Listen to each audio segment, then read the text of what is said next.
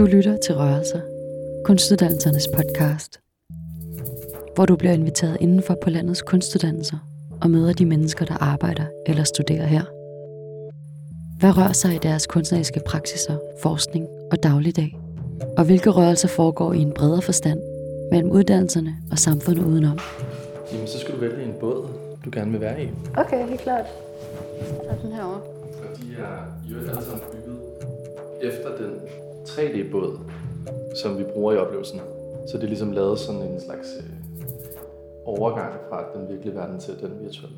I det her afsnit møder du Mads Damsbo, som er stifter af virksomheden Makropol, der laver interaktive oplevelser gennem virtual reality og lignende teknologier. Man kan ligesom, ligesom sådan cykle heromme, Okay. så kan man spille den her. Ja, der er et stort. Kan du se noget derinde? Der er en øh, oval. Ja. Nu starter den lige op. Jeg sidder i en halv træjolle i et svagt belyst rum på Dansk Jødisk Museum i København, hvor jeg om lidt skal opleve VR-filmen Nattens Ende, som Akropol har skabt. Jeg får virtual reality-brillen over hovedet, som spændes ind og fuldstændig omslutter mit synsfelt. Det er mørkt, og jeg kan høre lyden af vand omkring mig. Ud af mørket sidder en midaldrende mand foran mig. Han ser på mig og ror den jolle, vi begge sidder i. Jeg kigger ud til siderne. Der er kul sort. Foran os kommer en murstensport til syne. Lad os starte med, at du introducerer dig selv. Jeg hedder Mads Damsbo, og har haft Makropol i 11 år som et slags legeplads for storytelling og nye teknologier. Og inden for de sidste 7-8 år har det så handlet mest om virtual reality. Mest fordi, at det er et medie, som på en eller anden måde kombinerer både det cinematiske muligheder for at fortælle en historie med levende billeder, men det har også en sådan ret høj grad af publikumsdeltagelse. Man er der, man er med, man føler sig som en karakter eller som en, have en rolle i oplevelsen. Udover sit arbejde i Makropol, underviser Mads i Extended Storytelling på den Danske Filmskole i København, hvor studerende fra alle de forskellige kunstuddannelser kan lære mulighederne i de her nye teknologier. Det er første gang, vi laver kurset. Det går i virkeligheden ud på at forstå sådan både den historiske kontekst, hvorfra virtual reality er placeret, altså hvad er det for nogle skuldre, det står på sådan mediehistorisk, og hvorfor er det et felt, som er kommet for at blive på mange måder, eller i hvert fald et område, som på mange måder altid har været der, og vil altid være der. Jeg kalder det også måske mere immersive storytelling, altså når noget omslutter dig. Og det kan jo være vildt mange ting. Det er jo alt fra immersive theater til et escape room, til et virkelig godt computerspil, eller en virkelig god bog. Men der er bare nogle metoder og nogle principper og nogle overvejelser, som både som kunstner, designer, filmskaber, lyddesigner, klipper, arkitekt, musiker, whatever kunstnerisk felt du kommer fra, så er der nogle designprincipper og metoder, som kan være spændende at forstå. Og nogle fejl, der er blevet gjort i forvejen, og nogle eksperimenter, der er blevet gjort, der har bevist nogle ting. Så kurset går ud på at gå igennem både sådan historisk set, hvad der eksisterer, og hvor vi er i dag, og så kigge en lille smule på, hvor vi er i morgen, hvor bevæger grafik og 3D-processing, metaverse og alle de her ting. Hvor bevæger det sig hen? Og så bagefter snakker vi så enormt meget om øhm, designprincipper, processer og metoder, teknikker, altså hvilke teknologier findes der til at skabe den virtuelle virkelighed, du er interesseret i, eller den immersive verden, du er interesseret i.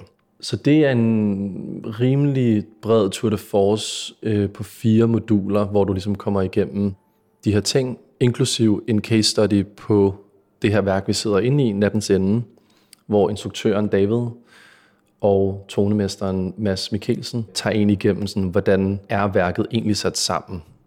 Helt sådan nitty-gritty. Det er også derfor, jeg gerne ville have, at du skulle se det her, for det er ligesom på en måde det mest sådan ærlige måde at se det på, hvor det sådan, det burde vises et rum bygget til den oplevelse, man har designet. Som er en af de største problemer med VR, det er ligesom, hvis du bare giver folk en brille på, hvor står de, hvem er omkring dig, hvordan kan de føle sig private, øhm, men uden at det er gemt væk. Hvordan laver du en overgang fra det virtuelle til det virkelige, som er naturligt? Så mange spørgsmål, man skal løse, som ikke er løst endnu. Mm. Så det her det er et bud på det, hvor at, at en oplevelse har fået sit eget sted. Er det en ting på filmskolen, at virtual reality kommer til at fylde mere og mere? Det var ikke umiddelbart filmskoleelever, der var størstedelen. Det overraskede mig faktisk en smule, men det var mere øh, fra rytmekons og øh, fra klassisk konservatorie, som kom. Immersive storytelling lever ikke i et sted. Altså, du bliver faktisk nødt til nærmest at have en eller anden form for bred kunstnerisk forståelse for at kunne forholde dig til det, fordi det i virkeligheden indeholder både ting, man kender fra film, hvordan opbygger man en scene, hvordan illustrerer man et plot og en intention, og hvordan instruerer man en skuespiller, og sådan ting, som er meget klassisk film. Men du har også teaterelementer, fordi du skal forholde dig til, publikum er til stede, hvor står de henne, hvor er de i forhold til selve værket eller til selve scenen. Rumforståelse, så arkitekter kan også have en ret vild mening om det, eller production designer. Lyd er kæmpestort. Hvordan opleves det at være inde i en anden verden? Jeg tror måske over halvdelen af det, som gør det immersive, er lyden. Så der er virkelig behov for, at man tænker bredt, når man prøver at skabe en immersive verden, fordi det er bare alle elementer i spil på samme tid. Det svarer lidt til at bygge sådan et, et rigtigt rum. Der bliver du også nødt til at tænke på akustik, og hvordan ser det ud, og hvordan er det lyssat, og hvordan bevæger folk sig igennem rummet, hvor går de ind, hvor går de ud. Det skal leve tværfagligt.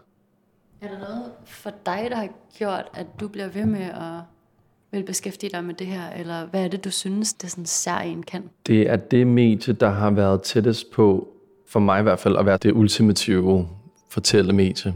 Jeg har haft stærkere oplevelser i immersive theater, altså hvis man har set et Sina-værk, som er jo kendt fra Villa Salo og andre meget, meget intense teateroplevelser, så kender man lidt den der følelse af at pludselig være til stede midt i noget, hvor man er blevet fuldstændig indhyllet i en fiktion, og man stiller spørgsmålstegn ved sig selv og ved sin egen vilje i det, og moralske spørgsmål, som bliver meget nære på en helt anden måde, end hvis man sidder i en biograf, eller hvis man står på et galeri. Du føler virkelig, du er der. Og den følelse af at være der, den... Jeg kunne selvfølgelig bare producere immersive theater, og så ville det være ligesom topmålet. Men der er også en side af mig, som mener, at den form for historiefortælling burde kunne flytte sig ud i verden, og flere burde have mulighed for at se den. Og her, hvor vi sidder, jamen der vil det jo næste tre år være muligt for folk at opleve det her. Det vil et immersive theaterstykke aldrig kunne. Så det krydser over mellem at være noget, der er meget, meget intenst, og som i princippet kun kunne lade sig gøre for x antal mennesker i meget kort tid, og så i virkeligheden kunne skalere og distribueres i hele verden. Mm. Og det synes jeg er ret fascinerende. Der går selvfølgelig lidt tid, før vi alle sammen har en brille derhjemme, men det bevæger sig ret hurtigt lige nu. Så jeg dygtiggør mig til øh, at blive den, der skal producere, når vi engang alle sammen har en brille derhjemme. For mig som udforstående, så lige pludselig var VR en ting. Ja. Men sådan, hvornår er det egentlig ligesom... En ting. Hvornår var det en ting, og hvornår er det... hvornår tror du, det er en ting? Jeg øh, troede også, det var en ting for fem år siden, hvor jeg allerede havde arbejdet med VR lidt, og havde haft noget succes med et projekt, der var kommet til Cannes og New York, og var blevet givet en masse priser og fået en masse medvind. Og så tænkte jeg, at det er lige rundt om hjørnet. Det er bare et spørgsmål om at blive ved med det her. Men så fem år senere, så er det jo ikke sket som en sådan stor mass adoption, hvor alle bare er gået amok. Det er jo ikke, det er jo ikke en iPhone, vi alle sammen skal have. Og jeg tror, at der kommer til at gå noget tid endnu. Altså, der er sådan en teori, der hedder Hofstadter-teorien, som siger, at alting tager længere tid, end man tror selv, hvis man indtænker Hofstadter-teorien. Og den tror jeg ret meget på. Jeg snakkede med en repræsentant fra Metaverse, som sagde, at det var 10-15 år frem i tiden, hvilket nok er mere realistisk, at det, det er der, det sker. Altså det har været en, jeg vil ikke kalde det en dille, men det har været en ret stor bevægelse i 90'erne, og hvor pludselig så var der helt vildt mange, der gik ind i det. Det er ligesom kunstig intelligens har også haft deres sådan heyday, og så kom der en vinter, hvor at man ikke så noget til det, og nu er det også på vej tilbage på en ret sindssyg måde. Altså jeg tror, det er egentlig bare et spørgsmål om, vi skal bare se et par flere eksempler på det. Altså der er jo sådan en teori om, at du har first adopters, second adopters og mainstream followings, som foregår i sådan en kurve, hvor at de første, der accelererer det helt vildt, men så falder adoptionen vildt hurtigt igen, og så har du sådan en dal, hvor der ikke sker noget, og hvor der er ikke nogen, der snakker om det, og alle tror, det er dødt. Men i virkeligheden, så foregår der bare en meget langsom adoption, som er mainstream, der begynder at se, Gud, du ved, det jødiske museum siger, det kan vi også, eller øh, Moskov siger, det kan vi også, eller det begynder at blive implementeret i virksomheder, og så lige pludselig så er der en, der siger, hey, skulle vi ikke tage et møde med vores kollegaer i New York på VR? Og du opdager det ikke, men så er det der. Og så er det ligesom blevet adoptet. Og vi er egentlig sådan teknisk set på vej op ad den kurve lige nu. Every night, I journey through my memories.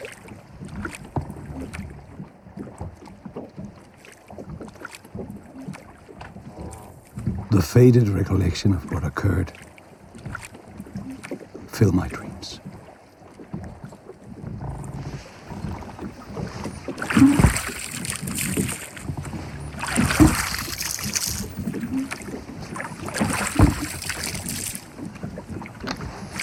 The thoughts do not go away.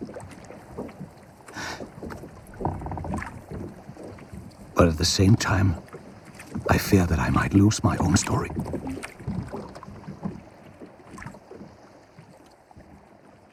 Det var et lille kursus. Vi kunne maks være 10. Og det, der var vigtigt for mig, var også, fordi det var første gang, at jeg satte det op, det var ligesom også at finde ud af, hvor kommer folk fra? Hvad er de interesseret i? Hvorfor er de interesseret i det? Og det var tydeligt at mærke, at der er en fascination, som handler om, hvad kan det her medie, og hvad er mulighederne i det, men der er også en personlig motivation fra alle, som hedder, jamen, kan vi finde måder at udtrykke os på, som er anderledes, eller som er stærkere, eller giver flere muligheder. Så det var der rigtig mange diskussioner om, hvor det handlede om, jamen, hvad hvis man gjorde sådan, eller hvad hvis man brugte det her, og hvad vil man få ud af den her teknologi øh, kombineret med den her. Og så tror jeg også, at en ting, som er sådan lidt et bevidsthedsforandringstanke for folk, der gerne vil arbejde med det her, det er, at vi er vant til at tænke som kunstnere eller som filmskabere, laver et eller andet form for produkt, som er et oplevelsesprodukt, så, så tænker vi det meget som sådan indeholdt i sig selv. Altså det er et stykke musik, eller det er en film, eller det er et værk. Selvfølgelig vil der helt sikkert være nogle performancekunstnere, som siger, ej, hov, hov, jeg tænker meget over, hvad der ligger udenom, men i den sådan mere generelle eller sådan klassiske forstand, så tænker vi meget på, hvad der foregår inde i værket kun, frem for at tænke på, jamen, hvad skete der for publikum lige før de gik ind i værket? Hvad er det for nogle overgange, publikum skal igennem for at gå ind i et immersive værk? Og de overgange er mindst lige så vigtige som selve oplevelsen. Man skal sammenligne lidt med at dykke en sådan ret dyb dykkertur. Hvis du bare bliver kastet ned på bunden af havet uden at være forberedt, så er der ret stor sandsynlighed for, at du får panik, og at du ikke gider være der, og det er en dårlig oplevelse. Men hvis du bliver forberedt, og du får det rigtige udstyr på, og du kender tegnene, du skal give for at kunne komme op eller ned, og du lærer nogle teknikker til, hvordan du skal forholde dig dernede, jamen så, øh, så bliver det en bedre oplevelse. Og på samme måde, når du skal op fra den her dykkertur, jamen så skal du også gøre det langsomt og afklimatisere dig fra den virkelighed, du har været i. Og den form for bevidsthed, tror jeg, det er vigtigt, at man snakker om, og det gælder for alle, der vil lave noget i Immersive, at de skal forholde sig til, hvad skal man sige, det, der ligger uden for den egentlige oplevelse. Det kan jeg også mærke, der var meget interesse i, fordi det er jo ret universelt at tale om, jeg kalder det også for audience trajectory. Hvad er det for en rejse, publikum er på fra det sekund, de ser skiltet på døren, eller får billetten i hånden, til de rent faktisk er helt dybt nede i oplevelsen. Men også, hvad sker der, når de så er kommet helt ud igen og har brug for at blive samlet op med et glas vand, eller at der er en, der lige tager dem i hånden og siger, er du okay? Eller giver dem mulighed for at tale sammen og sige, jamen, hvad oplevede I? Det er alt sammen noget, man burde designe og tænke over. Den bevægelse, publikum skal igennem. Man taler jo meget om det, når man sidder og ser en film, fordi så ved man, jo, men vi har publikum fanget her fra filmen starter til filmen slutter, Hvad er det for en emotionel rejse, de skal på? Hvad er det for en bevægelse, de skal på? Det samme gælder vel også en koncert. Der ligger jo en storytelling i det, om den er mere eller mindre eksplicit. Og det er lidt det samme her, sådan, jamen, hvad er det så for nogle beats, hvad er det for nogle vendepunkter, hvad er det for nogle overgange, hvad er det for nogle bevidstheder, som man vil gerne lægge ud for sit publikum, som man vil have, det skal igennem. For at bevidstiggøre sig det, så har man også en idé om, jamen, hvad er det så for en historie, jeg fortæller. For det behøver ikke at være en eksplicit historie som den her. Det er en meget klassisk flashback-drevet historie, hvor du følger en mand, som fortæller om hans minder, og det ender rigtig galt, lad mig bare sige det sådan. Men du møder karakterer, der er scener, du er med i sådan en ret klassisk plotdrevet historie. Men jeg mener også, at man kan lave historiefortælling i forhold til, hvilke sådan stemninger eller bevidstheder eller universer, states, skal jeg igennem som publikum. Vi lavede en oplevelse, som hed Doom Room, som jeg lavede med en øh, instruktør, der Jesper Dalgaard. Og der er intet plot.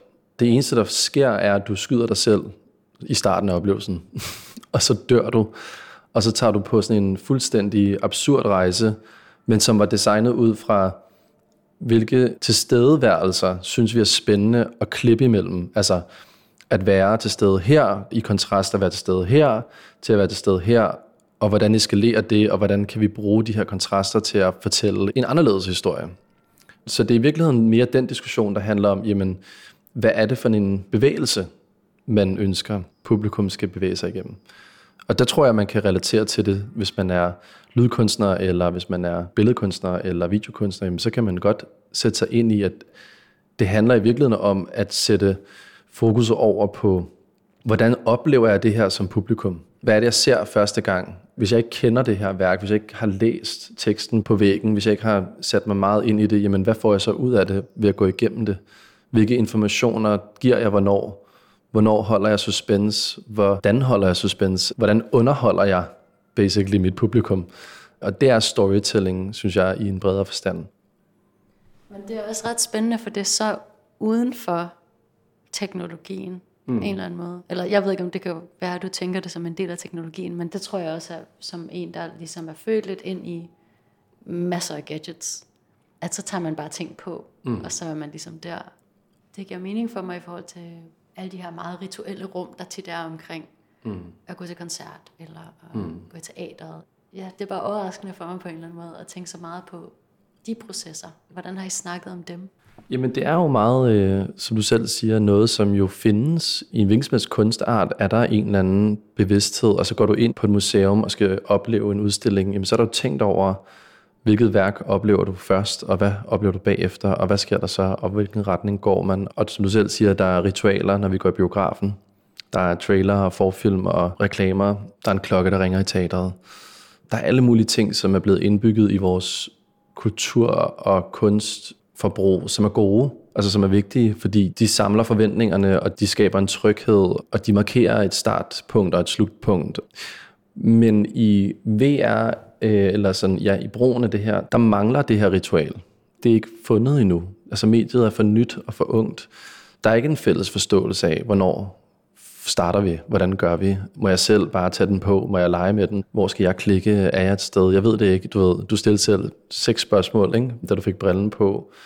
Og det er det, jeg gerne vil undgå. Altså jeg vil gerne undgå, at vi taler om teknologien, men at vi taler om oplevelsen. Og vi kommer ind i den, og vi glemmer teknologien. At den bare er et middel til hvor vi skal hen, hvilken rejse vi skal på, hvilken historie vi skal have fortalt. Så det er vigtigt for dem, der skaber de her oplevelser, at de er med til at designe og tænke over og bevidstliggøre sig, hvad er det for et ritual, jeg vil have, publikum skal igennem, og hvorfor skal de det? Skal de være alene? Skal de være sammen? Skal de stå? Skal de sidde? Skal de gå? Skal de kunne gå? Skal de kunne interagere? Har de øh, agens? Har de ikke agens? Er de sig selv? Er de nogen andre? Er de ikke nogen? Der er en masse spørgsmål, man skal stille sig selv, før man laver en oplevelse. Og der er overgang imellem de ting. Det er ikke sådan, at du bare vælger en og siger, jamen så gør jeg det på den her måde. Nej, men du kan lege med det. Du kan sige, jamen vi starter her, men så bevæger du dig over i en anden person, og så en tredje person, og ender med at være et helt andet sted. En af de ting, vi har gjort herinde for eksempel, det er, at når du kommer ind, så er det på vej til at blive nat. Det er sådan en skumringsbelysning.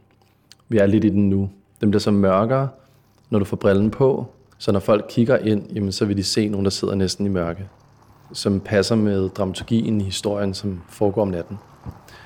Men når du så tager brillen af, så er det blevet til dagslys herinde. Og det har du ikke opdaget, for du har været væk i en time. Men det har en kæmpe effekt.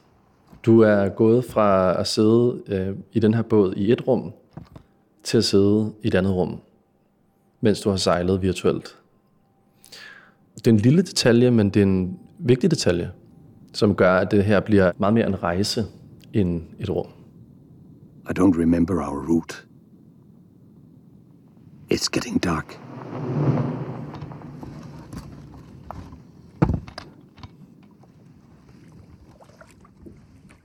Now it's disappearing again.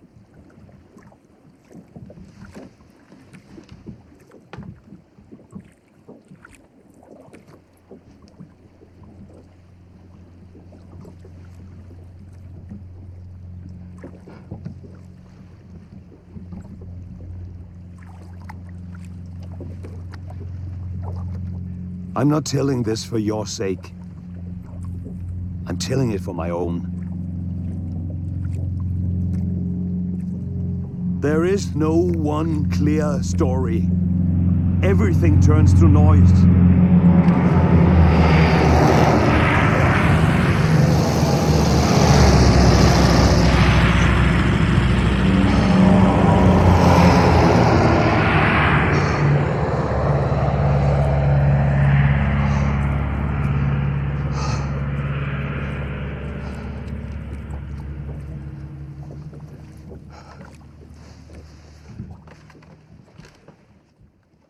Fordi at den her verden er så ny, jamen så er der også øh, rimelig blank canvas i forhold til, hvordan man strukturerer sin publikumsoplevelse.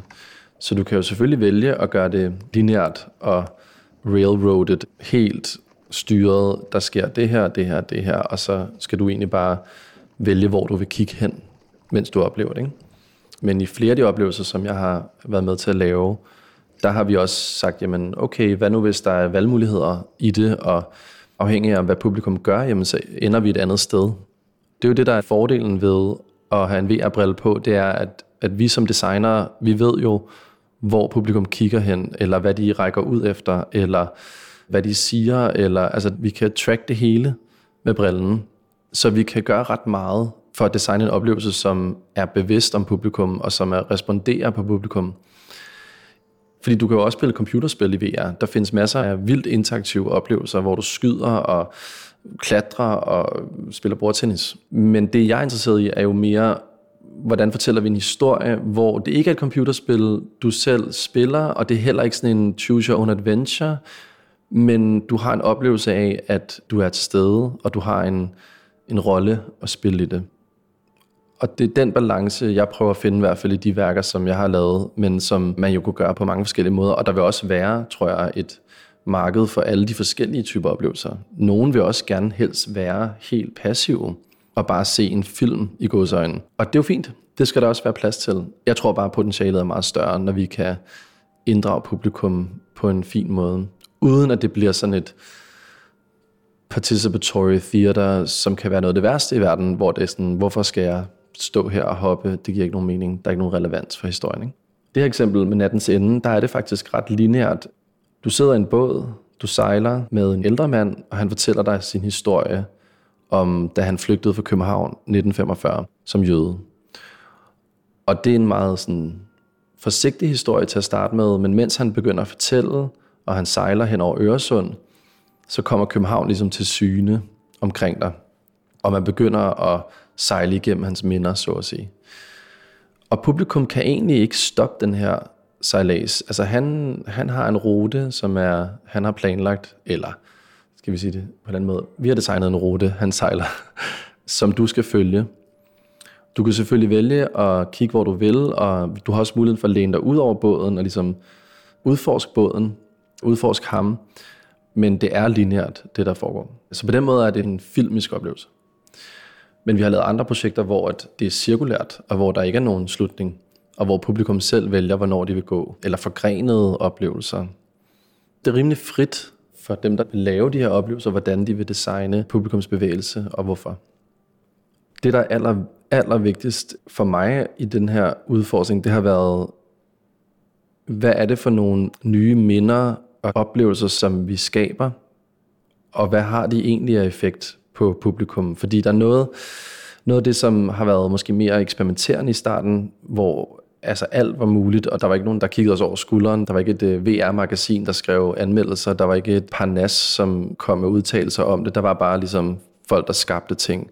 Der var vi jo all over the place, og potentielt også rimelig traumatiserende oplevelser. Altså, jeg vil måske ikke i dag lave Doom Room, hvor man begår selvmord. Altså, det var måske lige på kanten, ikke? og vi måtte også indføre trigger warnings og safe words, og lidt som en eftertanke forstå, hvad det var for nogle etiske og moralske dilemmaer, vi bevæger os ud på.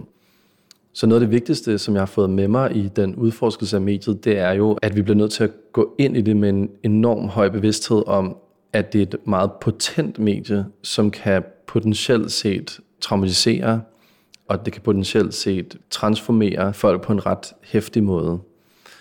Og det skal man være bevidst om, og man skal være klar på, hvordan man så håndterer det, og hvordan forbereder man publikum på det, og hvordan giver man dem muligheden for at bearbejde det eller reflektere over det. Det er noget af det, jeg synes er allervigtigst. En af de nye projekter, vi laver, der har vi fra start af tænkt, at der altid skal være en performer i værket, som vi har castet, og som sørge for ligesom at holde rummet og facilitere rummet. Fordi det er en meget intens oplevelse, som handler om consent og om vores seksuelle grænser og diversitet i vores seksualitet. Der vil helt sikkert være nogle knapper, vi kommer til at trykke på, som publikum skal føle, at der er nogen, der er der. Nogen, der ved, hvad de har gang i.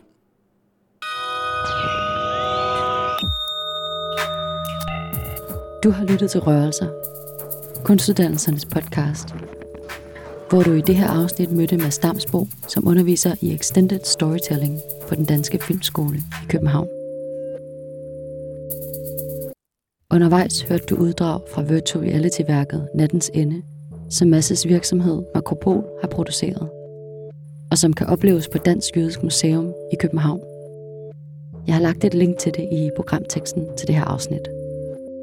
Tak fordi du lyttede med.